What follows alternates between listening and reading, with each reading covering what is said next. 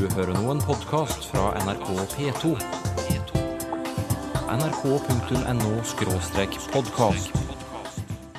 Jeg vet ikke, jeg, men jeg tror det gjør seg at det går bra. Nei, Det skulle ha vært helt annen måte.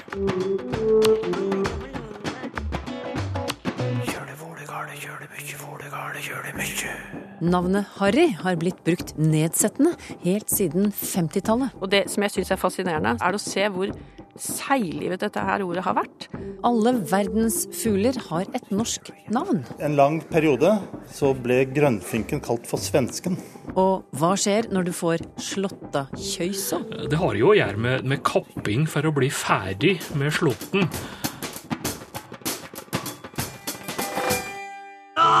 Herre, herre, herre, ingen har sånn sleng som du.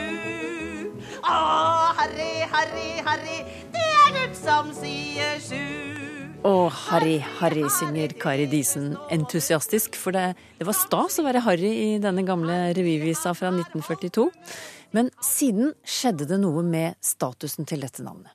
Språkteigen har fått et lytterbrev fra Birger Valen. Han spør om vi kan gi en forklaring på hvorfor Harry blir brukt nedsettende, f.eks. om det å ha dårlig smak. Det er vel ingenting negativt å si om den gruppen menn som faktisk heter Harry, skriver Birger Valen. Ja, språkviter Kristine Hasund, du har dukket ned i historien om navnet Harry i Norge. Hvordan kom det hit? Ja, først av alt må jeg si det er selvfølgelig ikke noe galt verken med de som heter Harry, eller med navnet i seg selv. Eh, Foreldre velger jo navnet for at de syns det er fint. Eh, Når det gjelder det historiske, så vet jeg at vi har det fra engelsk, Harry. For både i England og USA så var Harry et populært navn fra slutten av 1800-tallet. Og i Norge så ble det populært tidlig på 1900-tallet. Jeg vet at det var på topp i 1920-åra. Da tror jeg det lå på 39.-plass på navnestatistikken. Eh, Siden den gang kan jeg jo si, så har det bare, bare gått nedover når det gjelder hvem som eh, kaller barna sine Harry. Men det var altså på topp i 1920-åra på navnestatistikken, og etter hvert så var det særlig blant folk fra arbeiderklassen at navnet ble populært. Ja, Hvorfor det, tror du? Hvorfor var det arbeiderklassen som, som, som så gjerne ville gi barna sine dette navnet? Ja, det er for så vidt et kjent fenomen, det at når et navn blir populært blant eliten, bare tenk i England så er det jo kongelig navn, så er det ikke uvanlig at det sprer seg raskt til lavere lag i samfunnet. Og så var det altså særlig folk fra arbeiderklassen som var glad i engelske navn, sånn som Harry. Og så var det vel det at når det da etter hvert får en arbeiderklassestatus, så virker det som om overklassen ikke syns det er like stas, og da slutter de å bruke det. Og folk fra øvre samfunnslag i Norge på den tiden, de valgte etter hvert heller skandinaviske og tyske navn på barna sine. Og da ble Harry forbundet med arbeiderklassen. Hvordan hadde det seg da at det ble et minusord, som du kaller det? For én ting er jo at én gruppe mennesker i samfunn liker et navn, men det er fra det til å bli et ja, ikke et skjellsord kanskje, men et ganske nedsettende ord, da. I mange sammenhenger, i hvert fall. Ja. Nei, altså, det har jo noe med den koblingen Harry fikk til arbeiderklassen, først og fremst i Oslo. Eh, det jeg vet, er at det var ungdom fra overklassen i Oslo som begynte å bruke det nedsettende om folk fra arbeiderklassen på østkanten, nettopp fordi de assosierte det med arbeiderklassen. Så det begynte som et fint og fornemt navn, og så utvikla det seg til å bli en negativ betegnelse. Ja, kan du si litt mer om, om på hvilke måter Harry da ble brukt negativt eh, opp igjennom? Ja. Eh, jeg slo opp det ordet harry i Tone Trytis norsk slangordbok, og der står det litt av hvert, faktisk. Eh, hun skriver at er brukt både som et substantiv og et adjektiv, og jeg vil tro at substantivet kom først. Altså det å være En ting er at du heter Harry, og så kan det brukes som en betegnelse på Altså å være en harry. Eller en gjeng med harryer. Ja, hva var det? ja, det var jo først og fremst da altså uh, brukt om ung mann fra arbeiderklassen på østkanten. Og det som uh, folk fra vestkanten eller overklassen da syns var uh, De kobla til det. Det er viktig å påpeke at dette gjelder jo menn, da, ikke sant. Mm. Og dama til Harry, hun heter Doris. Mm.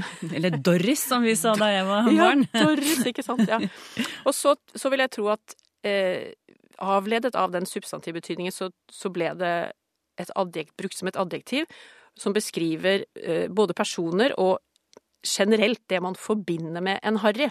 Og det kan være personlighet, utseende, bakgrunn, dannelse osv. Jeg har sett i forskjellige ordbøker, og de gir forklaringer sånn som foraktelig, mindreverdig, vulgær, smakløs, usofistikert, umoderne, provinsiell osv. Og det er jo viktig å påpeke at alle disse negative betegnelsene er jo sett fra et perspektiv.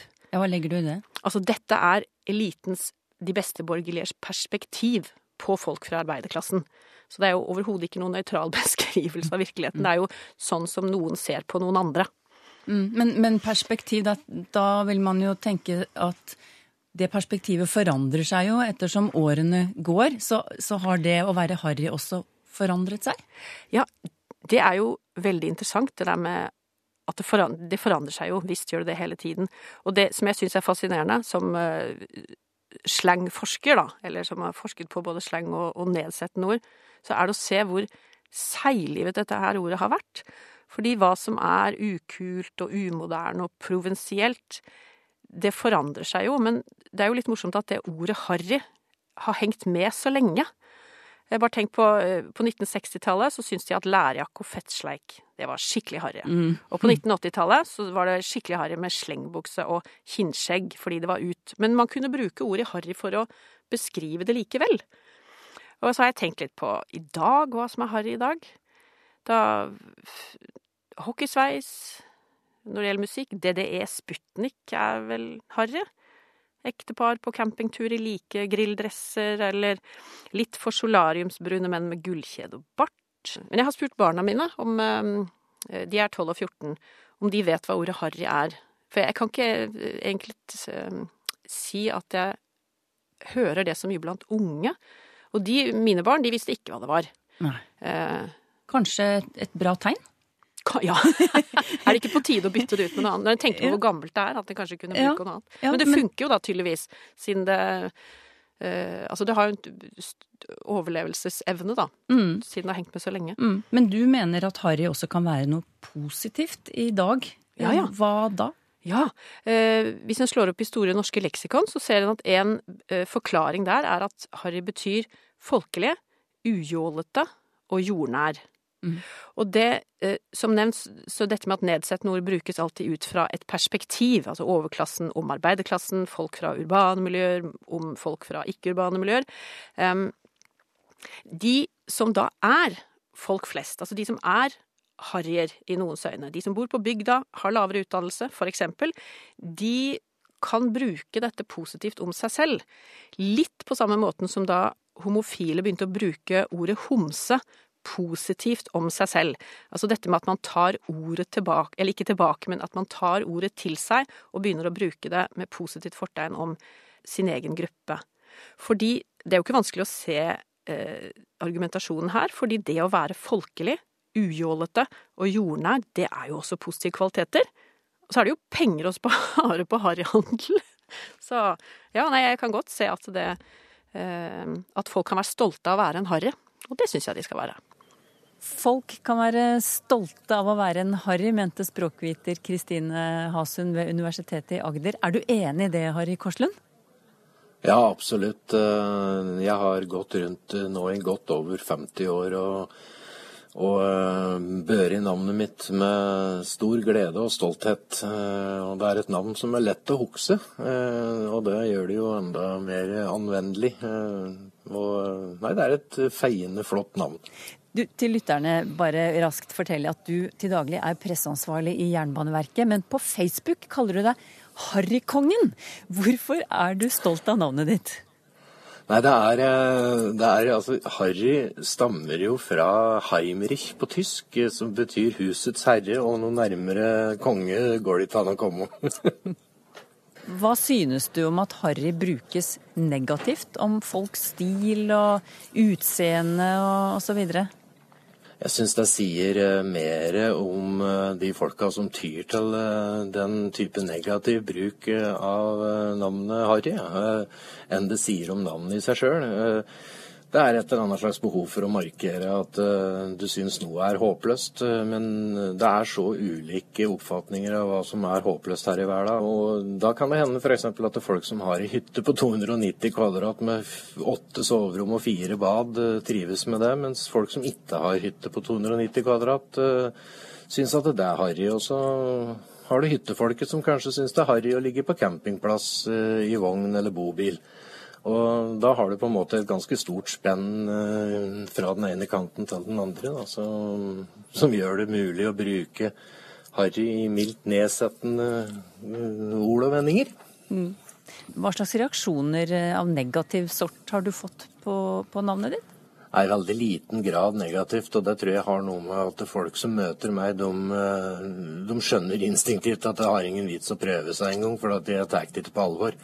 Og eh, Det som er morsomt, eh, mer enn plagsomt, det er at eh, det har hendt, og spesielt i møte med unge folk, at jeg har vært nødt til å dra fram førerkort og bankkort for å bevise at jeg faktisk heter Harry. Og det sier jo litt om at bruken av Harry-navnet som et adjektiv og betegnelse på noe, det, det sitter rotfestet i ungdommen. Og de tror mange rett og slett ikke at det er mulig å gå rundt og hete Harry. Men det blir mer og mer eksklusivt. Nå er det rett i overkant av 1100 stykker som heter Harry her til lands, i henhold til Statistisk sentralbyrås navnestatistikk. Eh, og det blir færre og færre av oss, og vi blir mer og mer eksklusive for hver dag som går. vi. Verneverdig og rødlista blir vi vel rett snart òg. Du sa at um folk som møter deg, de skjønner fort at det noe At det preller av på deg hvis de prøver seg med noe negativt. Hvordan signaliserer du det? Hva er det du gjør som gir folk det signalet at 'jeg heter Harry, og det er helt ålreit'? Nei, det er, eh, det er eh, mange, mange, blir jo flaue da, når de sier 'å, det er så harry'. Eh, et eller annet må, nå måtte være. Og så plutselig kommer de på at 'oi, her sitter jo en som heter Harry rett ved sida av'.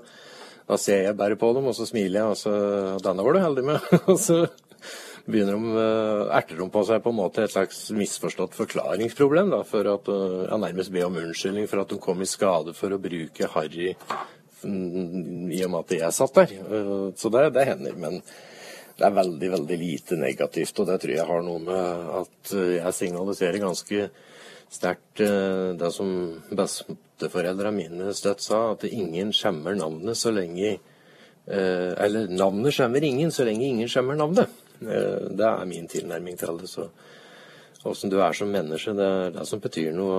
Og at du da går rundt og heter Harry, det er, det er i hvert fall ingen unnskyldning for ikke å oppføre seg som folk og utvise normal folkeskikk. Og gjør du det, da blir du stort sett oppfattet som en ganske raus og romslig og trevelig fyr.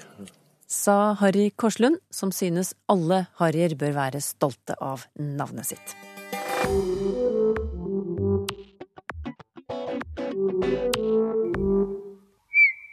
Kjenner du denne karen? Det er Dompapen som lever tilbaketrukket inne i vårskogen på denne tiden av året. Og hvordan den rødbrystede fuglen har fått navnet sitt, det får du vite om litt. Det finnes over 10 000 fuglearter i verden, og alle har et norsk navn. Noen av dem har byttet navn underveis. En lang periode så ble grønnfinken kalt for svensken. Forteller zoolog Per Ole Syvertsen. Det kommer av at grønnfinken ikke var noen vanlig fugl i Norge. Så når den begynte å dukke opp, særlig i Sørøst-Norge, så var det noe man forbandt med ikke sant, at det kom fra Sverige. Så den ble kalt svensken denne lang tid. Og grønnfink på et senere tidspunkt. Så glad ble grønnfinken da den fikk et skikkelig navn. Og det å gi gode norske navn til kvitrehanser fra hele kloden, det har Per Ole Syvertsen arbeidet med i årevis, som leder for Norsk navnekomité for fugl. Hva slags prinsipper følger komiteen når de lager et nytt navn? Det viktigste, veldig kort fortalt, er at navnet helst skal si noe om fuglen. Og Da kan det enten si noe om hvordan den ser ut, eller hvordan den høres ut, hvor den lever i verden, eller hva slags miljø den lever i. Det er liksom det viktigste. Det vi med andre ord har unngått, det er navn som minner oss på hvem det var som beskrev den vitenskapelig, eller sanne type ting. Fordi det sier ingenting om fuglen som sådan. De, den type navn vil uansett være bevart i de vitenskapelige navnene. Har du et godt eksempel på et navn som eh, sier noe om hvordan fuglen høres ut eller ser ut? Ja, det er mange eksempler der. Um, vi, vi har eh, et, et, et, et litt artighet. Det er f.eks. skvaldregressanger. Ja vel? Hva, Eller orgelsmett. hva, hva forteller det om de fuglene? Nei, altså det er, jo, det er jo ord som eh, beskriver sangen til dette dyret, og det sier jo litt om kvaliteten på sangen, kanskje. Da. En orgelsmett kontra en skvaldregressanger. To nivåer der. Ja. To kategorier. Ja. to divisjoner. Ja, to, to planeter, nærmest. ja. Så, så beskri beskrivende på et eller annet vis, det er det eh, viktigste. Ja, det er det viktigste. Det har vært det viktigste for oss. Og så eh, I tillegg så har vi jo prøvd å skape navn som ikke, ikke blir lenger enn nødvendig, men det er klart at det er Hva er nødvendig? Altså, det kan ofte være fire ordledd inne i bildet. Langnebb, bekkasin, snipe. Det er ikke særlig kort. Og det er ikke et kort navn, men det er et fullt håndterlig navn. Har du et som er enda lengre? Eh, de aller lengste er noen papegøyer som også har fått todelte navn. Da var det så mange ordledd inni bildet at det ikke lot seg gjøre å sette det sammen. Hvis jeg husker rett, så har vi f.eks. Uh, grønnisset flaggermuspapegøye eller noe tilsvarende. Ja, det er en munnfull. ja da. Hvem er det egentlig som bestemmer hva alle fuglene skal hete på norsk?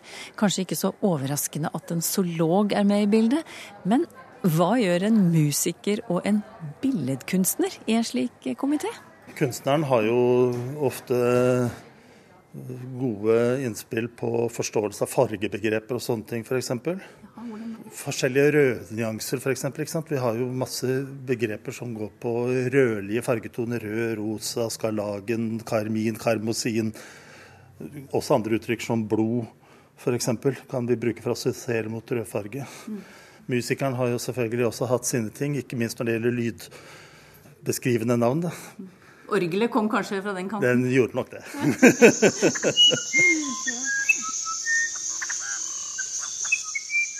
Hadde det ikke vært for musikeren i komiteen, så hadde Brasils nasjonalfugl orgelsmett kanskje hatt et annet navn på norsk.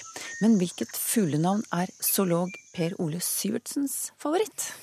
Jeg har nok mange favoritter, egentlig. Men eh, jeg, kunne, jeg kan jo nevne et som jeg sjøl bidro med i sin tid i komiteen, og som er et litt vanskelig navn. Men jeg syns det, det eksotiske klingende ved det plasserer hvor i verden du er, vil mange iallfall oppfatte, håper jeg. Ankarafantsika vanga. Ja, Nå ser jeg ut som et spørsmålstegn, Ja, men det er et land i verden, en stor øy, som har forferdelig lange personnavn og stedsnavn med mange stavelser, og det er Madagaskar. Ankarafantsika er en nasjonalpark på, i Madagaskar, som er et av de meget få tilholdsstedene for denne fuglen. Men Dompapen, hvorfor har den fått det navnet? Ja, det Navnet ligger jo mye kulturhistorie i, egentlig. Tenk deg hannen. Han er en dompap. Han har rødt bryst, eller underside. Så er han mer grå på ryggsida kanskje, men med svart eh, over hode og nakke. Det kommer fra tysk. Dompfaff er et eldre, eller et mye brukt navn på tysk. Og det, det er altså en beskrivelse av en geistlig drakt. På svensk så heter den domherre den dag i dag. Så vi har tatt det tyske og bare fornorsket det direkte. Eh, svenskene har tatt den tyske betydningen, men, men skapt eh, et svensk begrep av det. Det betyr ikke at den er dum i pappen, altså. Vakker fløytetone har den også, Dompapen. Og Norsk navnekomité for fugl de har allerede gjort unna årets møte, der de bl.a. oppdaterer navnebasen sin. Det gjør de hvert år. Du hørte komitéleder og zoolog Per Ole Syvertsen. Lytterne spør om dialektord. Øyvind Hadland han bor på Jæren, og der kan de si blokke i stedet for blader. For eksempel blokkene på trærne er fine om høsten. Men så har Øyvind Hadland opplevd at blokke er helt ukjent for folk fra andre steder i Rogaland. Så nå lurer han på hvor utbredt det egentlig er. Hva sier du, Tor Erik Gjenstad? Ja. Blokke om eh, blad, ja. Lauvblad, for eksempel. Nei, altså et materiale som finnes, så hører det heim i Agder, i Rogaland, Hordaland og Sogn. Men det er sikkert ikke like kjent alle plasser innenfor det området der. Og det her er ei avledning av blad. Så det er, vel da et bladka, hvis en skal prøve å dra det til norrønt. Bladka med kasusformet blodku. Altså i genitiv, dativ, akkusativ. Og derifra kommer den vokalen som gjør at du har fått forma blokke, da. En annen variant på det, det er jo blekke eller blekkje som går med, med litt mer lenger øst, med Telemark, eh, Hallingdalen, Østfold og Vestfold. Og det er òg ei avledning av blad, og, og det, det, kan jo bety både løvblad og blomsterblad, og faktisk òg blad i, i en kortstokk. Tor Inge Myhren kommer fra Sunnmøre, og på hjemstedet hans var det snakk om å få Slåttakjøyså. Og det var den som var sist ferdig med Slåtten, som fikk Slåttakjøysa. Det er ikke noe konkret, eh, skriver Tor Inge Myhren, det er bare et eh, uttrykk. Og på samme måte, den som ble sist med å ta opp potetene, altså med potetopptakinga, fikk potetrødt og, og, nå han, eh, sier han at det kunne være interessant å høre om dette er et landsomfattende fenomen, og eventuelt hva slags navn man bruker på dette andre steder i landet. da. Ja, det her er et interessant fenomen. Her kommer vi borti en uh, artig uh, folketradisjon. Slåttakjøysa, eller slåttekjøysa, det ordet der, det er registrert nettopp fra Sunnmøre pluss eh, Romsdalen. Og sistledet her er ei kjøyse. Det er jo hokatt eller kjette. Men det er jo ikke her snakk om noe konkret katt, som Tor Inge sier her. Nei, det er eh, en skikk eller ei tru. Det har jo å gjøre med, med kapping for å bli ferdig med slåtten. Og altså Den som blir sist, da han får f.eks. slåttakjøysa eller slåttekallen. Da er det slåttånda det er snakk om. Slåtta herre kan det òg være. Og det er vel da tenkt som en slags ånd eller vette som flytter inn hos den som blir sist ferdig, og så må han da ha den der helt til neste år. Og det er samme med skorånda eller skurdånda, altså. Da kunne det være skorherren eller skorkallen, som de da fikk, de som var sist ferdig med, med skorånda. Og det, det kunne òg bli gjort slik at de laga en konkret figur som de overleverte til, til sistemann, da. Så det, det er ei tru der og, og, og skikka. Og den der potetrøtta eller potetrotta, da, det er jo først gangen jeg hører om, så det er ikke belagt i arkivmaterialet. Men det går jeg ut fra er eh, nyere laging, da, spøkefullt etter samme mønster som slåttekjøyser osv. Og så er det jo eh, et begrep, haren eller harin òg, i den forbindelsen her som Tor Inge skriver her, så nevner jo Olav Duun det her. At de jager haren fra gard til gard, altså over til naboen. Eh, og det jo er begrep, det er særlig Trøndelag og Nord-Norge. så Haren er liksom det sist som står igjen på en åker, og det var å bruke om det sist kornbandet. Men også annen ånd enn eh, skurånda, da. Og det kan være det, trua at det var et eller annet slags eh, vette i en spesiell kraft i, det siste kornbandet. Men sjølsagt òg at de kunne oppleve at en hare gjemt seg i det siste som sto igjen. Men det her er Nordvestlandet, Trøndelag og Nord-Norge. Det ser ut til at du har de her forestillingene og de navnene her. Kjenner ikke til det fra andre plasser, men det kan det kanskje være folk som vet om, da. Torbjørn Nilsen har et Eh, dialektord fra moren sin, som bor på Askøy utenfor eh, Bergen. Og det er nesten bare hun som bruker dette, sier han. Eh, og det er trave. For eksempel har hun alltid sagt til dyr og mennesker som gjør ugagn, du din trave. Så hva kommer ordet trave av? For det første så er, eller var det der temmelig vanlig skjellsord, din trave om omgangskråk, eller farsk som en vil si på trøndersk, kanskje. Opprinnelsen ser ut til å være ei fille eller lapp eller klut At det er det som er utgangsbetydninga her, og så blir det overført på, på folk som ikke er noe særlig å samle på. I norrønt er det belagt som trav, nøytrumsord, flertall, om frynser eller trevler. Så det er nå det som er, er den etymologiske sammenhengen. Men fra fille, klut til person, eh, det er en nokså vanlig overgang. Alek Skråning sender oss et dialektord fra det han kaller Innlandet, og da det tolker vi som Indre Østlandet, Tor Erik Gjenstad, ikke sant? Ja, det Ja. var det greit. Mm. Men det var dette dialektordet, da. Vøli. For eksempel eh, kalvøli når det er småkaldt. Og, og er det vøli istedenfor hvorfor det. Så lurer han på om dette er samme ordet. Ja, det kan vi svare ja på med en gang. Det samme ordet du har i sammensetninga som kalvøli, og i Å er det vøli. Og det her er gammel eh, partisippform av verbet å verda, som det heter i norrønt, eh, som betyr å bli. Og perfektum partisipp eh, er da blitt til voli eller vøli. Og mange sammensetninger som eh, altså kal, kalvore, storvore, altså nokså, nokså heller mye eller eh, lite av det som førsteleddet sier. Så er det kalvølig, da er det heller kaldt eller små, småkaldt. Og det der og er det vøli, der har oss paralleller i trøndersk. Hva er voli? Altså, hvordan henger det her sammen? Hvordan er det fått? Hvordan er det med det her? Og hvor i det? Altså, hvorfor det? Så det er paralleller. Og, og det er partisippen her. Hvordan har det blitt? Hvordan har det blitt? Det er derfor du har det der partisippen av verda. Og kjenner det jo òg i ja, eldre dansk, da.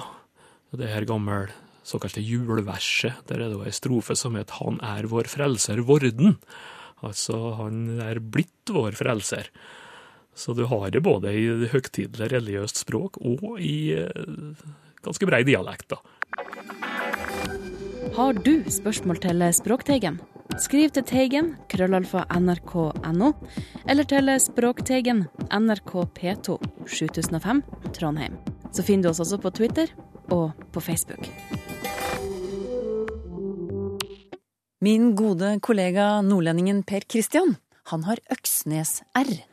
Ja, Mora mi sier at jeg ikke må bruke sukker på rømmegrøten. Hør mer om den nordnorske R-en i Språkteigen neste gang.